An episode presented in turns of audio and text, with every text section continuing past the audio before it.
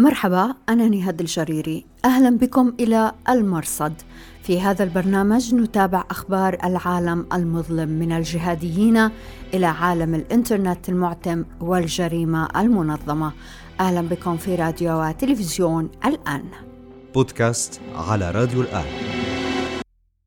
أهلا بكم إلى حلقة هذا الأسبوع من المرصد. نغطي فيها الفترة من 5 إلى 11 سبتمبر 2022 في هذه الحلقة عنوان رئيس. في الذكرى الحادية والعشرين لهجمات سبتمبر القاعدة تعاني استنزافا في القيادة وبروباغندا متعالية منسلخة عن التاريخ. وضيف الأسبوع منتصر حمادة الباحث في مركز المغرب الأقصى للدراسات والأبحاث متخصص في الحركات الإسلامية. يحدثنا عن كيف دمرت هجمات سبتمبر تنظيم القاعدة. وبإمكانكم الرجوع إلى نص هذه الحلقة في أخبار الآن دوت نت. بودكاست على راديو الآن. في الذكرى الحادية والعشرين لهجمات سبتمبر ماذا فعل الجهاديون؟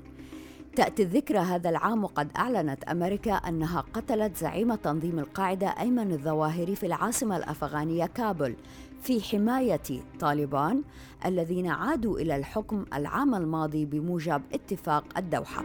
تأتي الذكرى وأنصار القاعدة وقادتها مطالبون بحسم أمر العلاقة مع إيران ومتلازمة طهران التي أصابت قيادة التنظيم والإسم الأبرز اليوم سيف العدل.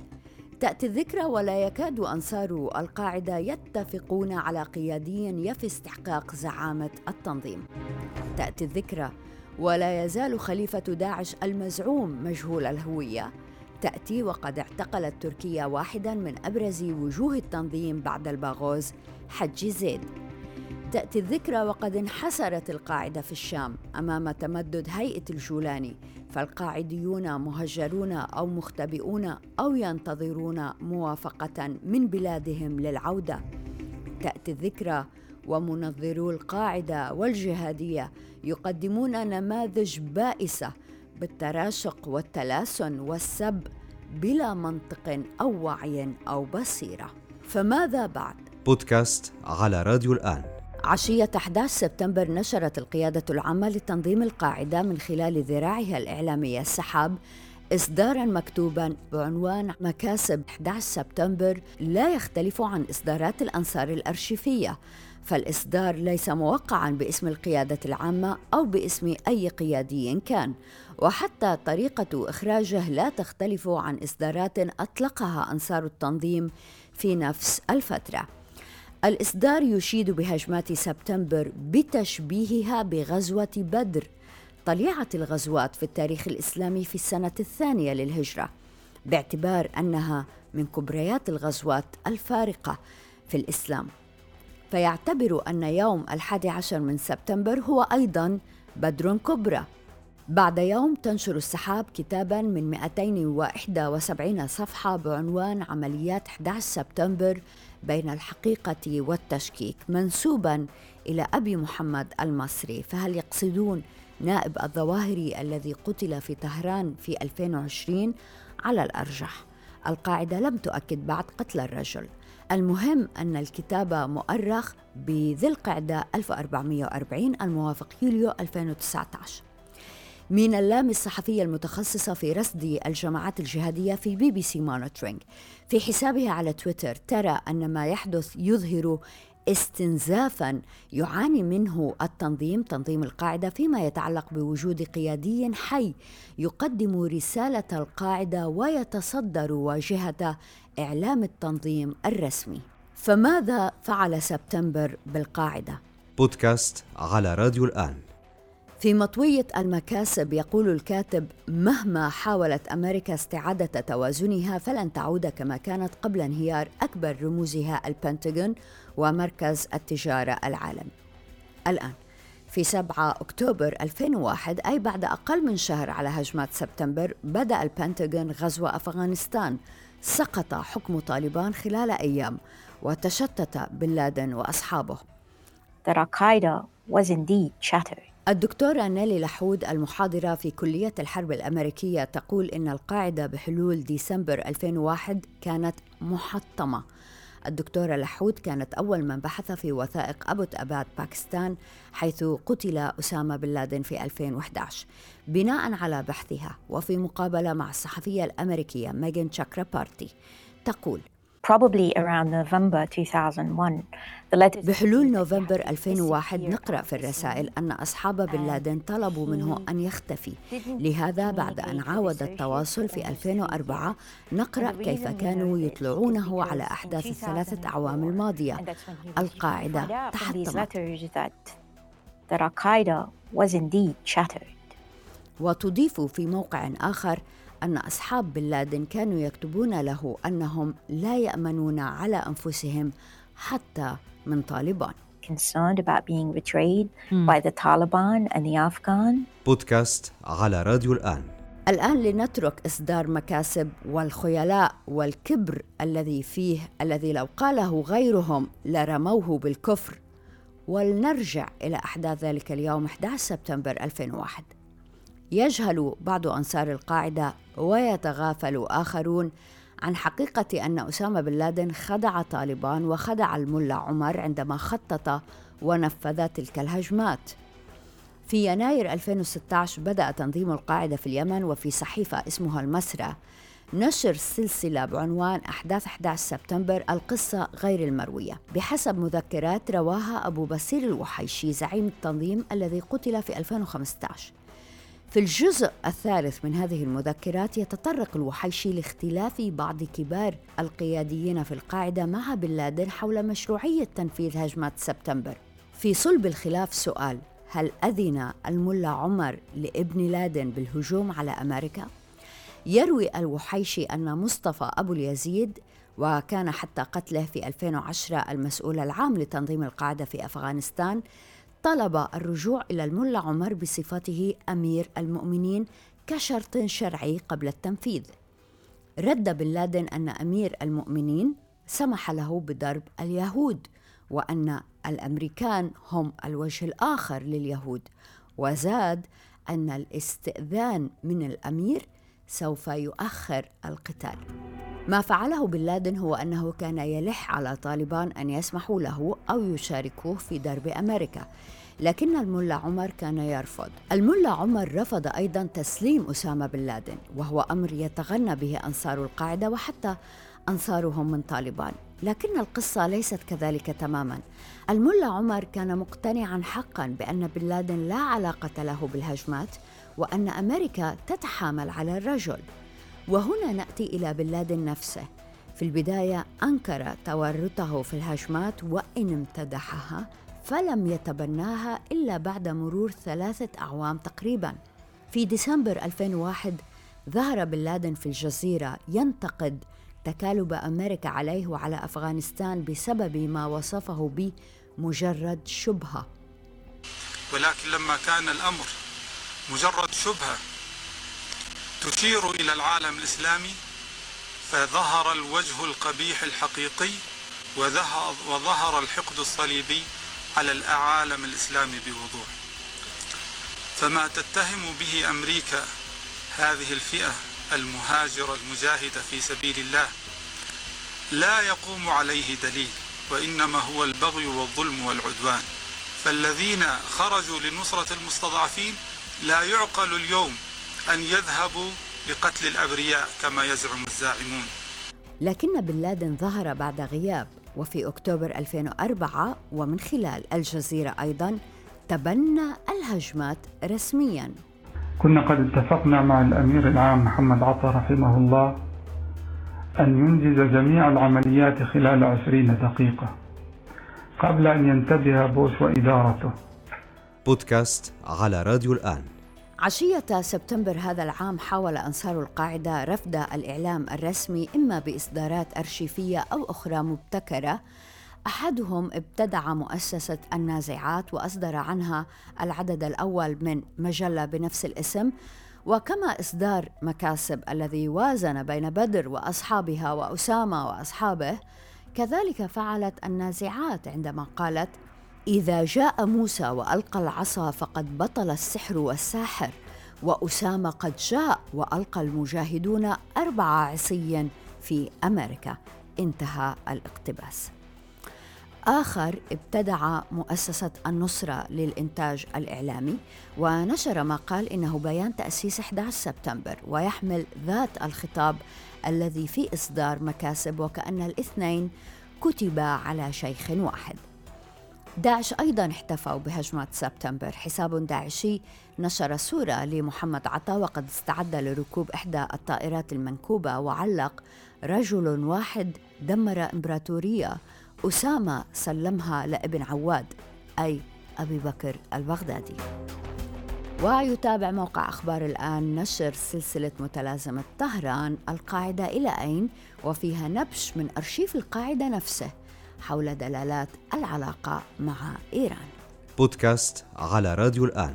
تعليقا على المقاربات الفجة التي تأتي بها القاعدة وأنصارها لفت ما نشره أبو حفص الموريتاني في قناته على التليجرام. أعاد نشر مقطع مترجم لباحث إسرائيلي. This is what I mean by the Islamization of history. يعتبر أبو حفص أن الرجل شهد شهادة حق وكأن الباحث يؤيد موقف أبي حفص ومن لف لفيفة. والحقيقة أن الترجمة خطأ ومجتزأة. يحاول الباحث أن يفسر لماذا يرى أبو حفص ومن مثله. أن استيلاء المهاجرين على بيوت المسيحيين في إدلب اليوم هو حق. في المقابل لماذا يرون أن استيلاء الصينيين على منازل الإيغور احتلال؟ وكذلك استيلاء الهندوس على منازل المسلمين في الهند احتلال. البوذيين على منازل الروهينجا احتلال.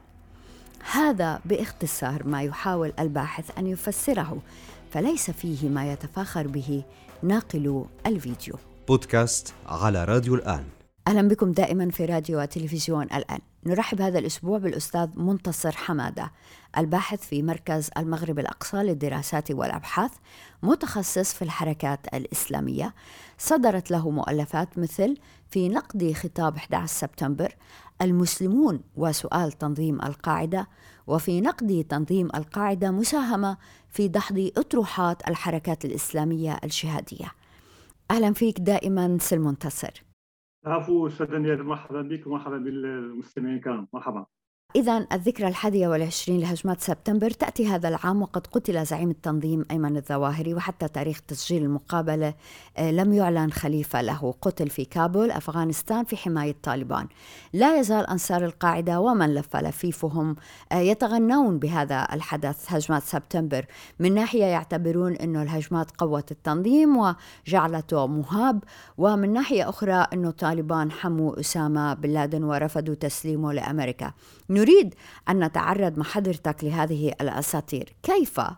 نفذ أسامة بن لادن هذا الحدث من دون بصيرة من دون حتى أن يأخذ إذن الملا عمر. كيف خدع الملا عمر؟ آه، مرحبا أستاذ نهاد سؤال يحرج إن صح التعبير الأتباع الاسلاميين الجهاديين بشكل أتباع تنظيم القاعده طبعا وحتى باقي الجهاديين. وأعتقد ليس فقط الجهاديين حتى نسبه معينة من اتباع الحركات الإسلامية. أقصد الحديث عن آه، خداع اسامه بن بن عمر. ولو أن هناك روايتين صح التعبير رواية تصب في الاتجاه. وأعتقد أن مذكره آه، أبو بصير ناصر الوحيشي آه، التي نشرت في 2016 تؤكد ذلك. على هنا كما يقال شاهد شاهد من اهلها لدينا والشهادة من الداخل. ليست وثيقة لباحث أو إعلامي أو مؤسسة سياسية أو أمنية. ولكن هذا فاعل جهادي من عقر النواه الصلبه لسنين القاعدة يشهد أو يفيد ما يفيد بأنه اسامه بن لادن خدع من العمر هذا الراي الأول أو الاتجاه الأول. الاتجاه الثاني يتعامل مع مع هذا الموضوع بحذر ما مفاده بأنه هناك تحالف مسكوت عنه أو لنقل تقاطع مصالح ما بين تنظيم أو حركه طالبان حينها. نهاية الاحتلال البطاط كانت حركة جهادية ضد الاحتلال السوفيتي حينها وتنظيم القاعدة لأنه تنظيم جهادي بالتالي هناك نوعا ما اتفاق آه، ضد العدو المشترك هو الولايات المتحدة الأمريكية. آه، ولكن آه، عمليا على أرض الواقع من الصعب أن نتوقع أن هناك بعد نظر سياسي عند الجهاديين. كما تعلمين أنا وصفت في أحد الأعمال بأنه لديهم مراهقة فكرية صح ومراهقة سياسية. إنه ودليل بدليل تبعات أحداث أحداث 11 سبتمبر ليس فقط على تنظيم القاعدة. كانت لديه تبعات سلبيه على المنطقة العربية برمتها بالتالي قضية قصر بعد النظر هذه من وجهة نظري متواضعة تحصل حاصلا عند الجميع لنقل عند أغلب الاسلاميين وفي مقدمه مقدمة طبعا الحركه الاسلاميه الجهاديه ومنهم أسامة بن لادن وتنظيم القاعدة. أستاذ المنتصر هذا الحلم عند أسامة بن لادن أن يعاقب أمريكا كيف أتى وبالا على أفغانستان على الأقل خلال العشرين عام الماضية؟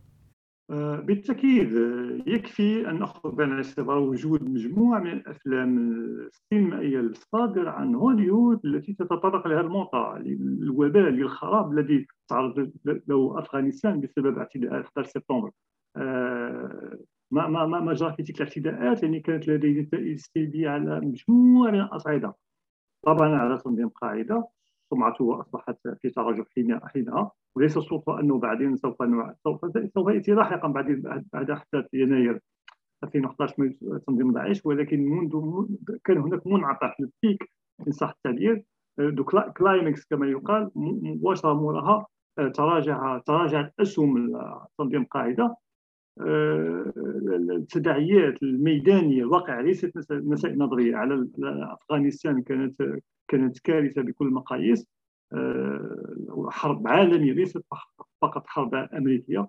آه، مجموعة من الدول بما فيها دول العربيه وطبعا خاصة الدول الأوروبية وطبعا الولايات المتحدة الأمريكية في شن الحرب على تنظيم القاعده ولكن الضحايا طبعا كانوا آه، الشعب الأفغاني هو الذي كان بوكينيسا كما نقول بالفرنسية هو الذي كان الضحيه الاولى لهذا هذا ما سميتيه قبل قليل قصر النظر السياسي لدى تنظيم تنظيم القاعدة. وبالتالي أعتقد أنه كانت للأسف الشديد كانت نتائج كارثيه في الواقع لم تكن نتائج كارثيه فقط على أفغانستان. النتائج علينا حتى هنا في المنطقة وضغوطات كبيرة على الدول العربية والإسلامية ما صار عليه دونالد ترامب في حرب افكار ضغوطات من أجل تعديل المناهج الدينية واغلاق مجموعة من الجمعيات الدعوية بالاستيلاء على قتل الاسلاميين إلى آخره كانت تداعيات كارثية على المجال الإسلامي كما يسمى على محور طنجة جاكرتا ومن باب تحصيل حاصل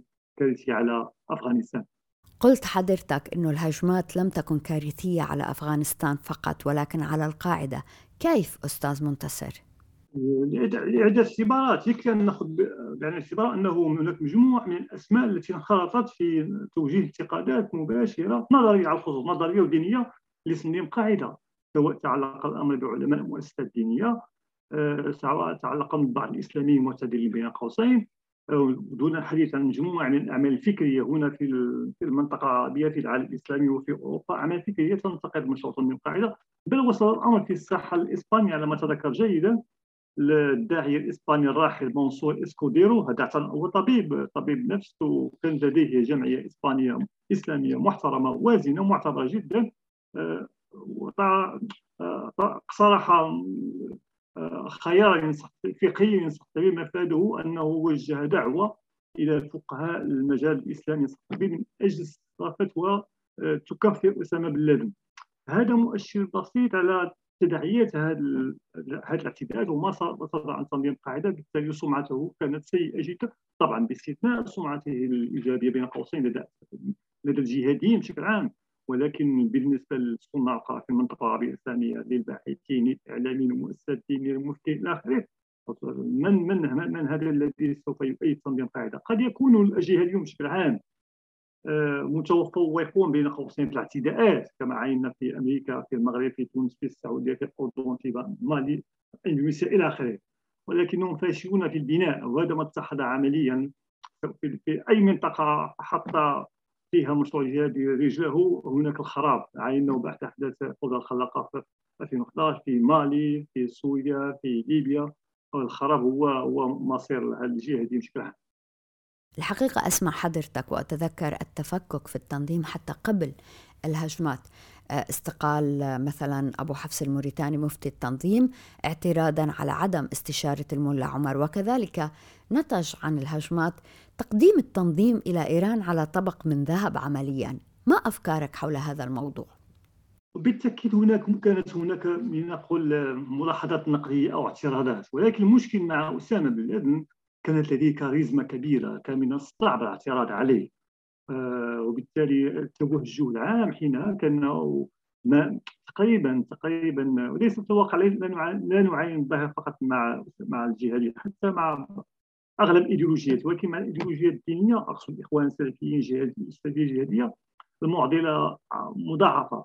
أقصد أنه الشيخ أو الزعيم أو القائد غالبا ما يؤخذ من كلامه ولا يرد. وهذه معضله معضله أخلاقية وعلمية في الآن لأن في تراثنا الاسلامي هناك مقولة شهيره للإمام مالك مفادها أنه قال ما مفادها أنه كان واقفا قبر الرسول صلى الله عليه وسلم قال كل يؤخذ من كلامه ويرد الا صاحب هذا القبر. عند الإسلاميين المشايخ تقريبا لا لا نأخذ منهم ولا ولا, ولا نعترض. مع إنه لدينا هنا بعض النماذج في المغرب وفي المنطقة العربية ولكن مع تنظيم قاعدة وخاصة مع كاريزما اسامه بن لادن من الصعب الاعتراض. أشرت قبل قليل إلى حالة خاصة ولكن هذه الاعتراضات كانت متواضعة جدا الكاريزما التي جاء بها اسامه بن لادن من السعودية وبعدين ما قام به في السودان استقطاب الجهاديين من العالم مع عبد الله عزام والتمويلات وغيره صعب جدا الاعتراض على المواقف السياسية المغلفة بالدين طبعا. لنتوقف قليلا أستاذ منتصر عند هذه المسألة المتعلقة بتوطيد علاقة القاعدة مع إيران. الجهاديون لا يفهمون حقا إنه إيران كنظام سياسي يحارب السنة في نهاية الأمر، كيف تنظر إلى هذه المفارقة وهذا الأمر؟ آه، هنا يجب أن نأخذ نتعامل مع الموضوع من زاويتين، زاوية رؤية الجهاديين وزاوية رؤية إيران.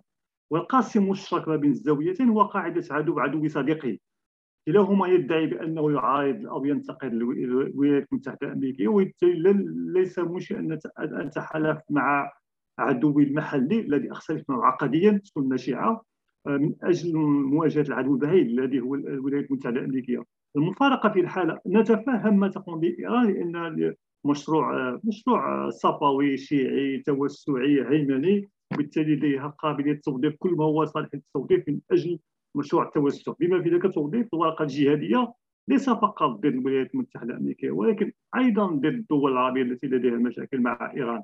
اذا هذا متوقع من إيران. المشكل أو المعضلة هي مع الجهاديين الذين هم يسمون الشيعة بالروافض. أصلا لا يتحدثون عن الشيعة ومع ذلك جزء منهم تحالف مع إيران باعتبار كما قلت قبل قليل باعتبار منطقي عدو عدو صديقي وبالتالي هم مضطرون لانهم الان محاربون في اغلب دول العالم الاسلامي والاخرى في الغرب في افغانستان في تركيا في الخليج العربي في المشرق هنا في دول الساحل وبالتالي ايران وفرت لهم الارضيه الميدانيه من أجل العمل وبالتالي كان متوقع ان يتحالفوا هذا هو الواقع بالتالي هناك نقول امام تحالف موضوعي براغماتي بين قوسين ما بين المشروع الايراني التوسعي اليمني وما بين ما تبقى من تنظيم قاعدة هناك في إيران.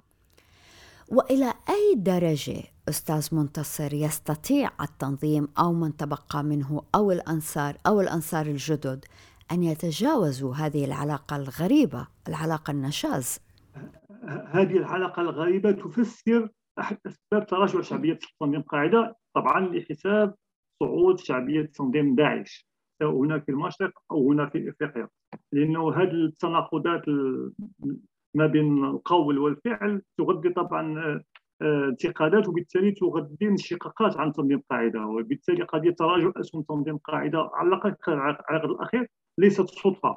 آه، أغلب لو اطلعنا على الاعتداءات التي نسمع عنها صادره بالتحديد عن الجهاديين في المنطقة العربية حتى في أوروبا وحتى في آسيا أغلبها محسوبة على آه، لنقل جماعات حوثيات محسوبة أكثر على تنظيم داعش وليس تنظيم قاعدة لسبب بسيط إنه تراجع الوزن التنظيمي لمشروع تنظيم قاعدة فقط. هناك هناك رموز موزعة بما فيها التي توجد في إيران ولكن عمليا على أرض الواقع الغالب حتى في أفريقيا نعاين نفس الدائره في في في مالي وبوركينا فاسو ونيجيريا. وهناك تنظيمات أخرى. نعاين ان هناك غلبه للحاله الجهاديه الداعشية أكثر في المقارنه مع الحاله الجهاديه آه، لتنظيم قاعدة. أستاذ المنتصر في كتاب لحضرتك في نقد تنظيم القاعدة كتبت عن هجمات سبتمبر. متى اقتنعنا أننا مسؤولون بشكل أو بآخر عما حصل؟ ارتقت مسؤوليتنا في التصدي المعرفي والفقهي للظاهرة. هل هذه محاولة أو وصفة للخروج من دائرة إرهاب الجماعات الجهادية؟ وفي الواقع هي وصفة أشرت إليها منذ عقد ونيف كنت أتمنى أن أكون على خطأ. آه، ولكن يبدو أنه للأسف حتى بعد عقد ونيف لا زالت صالحة طبعا هنا بالنسبة لما يسمى الإرهاب أو التطرف هناك بالتأكيد مجموعة أسباب اجتماعية اقتصادية دينية سياسية إلى آخره. ولكن في الشق النظري في الشق الفكري والديني ما أشرت إليه في هذه الوصفة بين قوسين كما وصفت فيه أستاذ دانيال للأسف لا زال صالحا. أعطيك أمثلة أمثلة بسيطة جدا. تخيلي أنه هناك من لا أتحدث عن الرأي العام وعقلية المؤامرة لا دعنا من هذا الموضوع. باحثون باحثون. يؤمنون بأنه قضية الحركة الإسلامية الجهادية هي قضية مفبركة إما من قبل بعض الأنظمة العربية أو من قبل الغرب. تخيلي نتحدث عن الباحثين لو لو صدر هذا الرأي عن رأي عام أتفهم. الذين أمية أبجدية أمية وظيفية وغسيل دماغ أتفهم. ولكن باحثون يؤمنون بهذه الأفكار الشاذة إن صح التعبير. لدينا تواضع في الانتاج النظري النقدي للمفكرين هنا في المنطقة بخصوص نقد الحركات نقد على الأقل نقد لا نتحدث عن الحركه الاسلاميه بشكل عام ولكن على الأقل النقد أو تفكيك الخطاب الديني المتشدد. هناك تواضع كبير وسدنيات صحيح هناك بعض التراكم بعض مع بعض المراكز البحثية والحمد لله خاصة في الخليج العربي. هناك بعض الأسماء ولكن بشكل عام اخذا بعين الاعتبار ما لدينا من من مؤسسات وأسماء فكرية هناك تواضع كبير. نفس المعطى مع النقد الديني الفقهي العقدي للأدبيات الجهادية. هناك تواضع كبير جدا وهذا مؤسف. طبعا لا يمكن أن نقزم من بعض المحاولات التي تقوم بها بعض المؤسسات الدينية. لا أريد ذكر الأسماء. ولكن بشكل عام هناك تواضع كبير جدا. لدينا حتى لا حتى أنهي إشارة أخرى. لا نتعامل مع الغرب على الخصوص بعقلية المؤامرة. لا لا لا نستبعد كليا عقلية أو خيال ما سماه إدوارد سعيد وحتى عبد الخطيبي بالنقل المزدوج النقل الموجه للذات المحلية الإسلامية العربية والنقل الموجه للغرب. نحن ننزه أنفسنا نعتبر أننا مركز الكون وأن الغرب هو الشيطان وما إلى ذلك. وهذا طبعا خطاب فكري اختزالي للأسف الشديد يساهم في تأزيم الوضع أكثر مما هو متأزم أستاذ نعم هذه الحالة من الاستعلاء والخيلاء. للأسف للأسف للأسف. السيد منتصر حماده الباحث المغربي شكرا جزيلا لك. نعم نعم. وشكرا جزيلا لوجودكم معنا في راديو وتلفزيون الآن. أنا نهاد الجريري. مع السلامة. بودكاست على راديو الآن.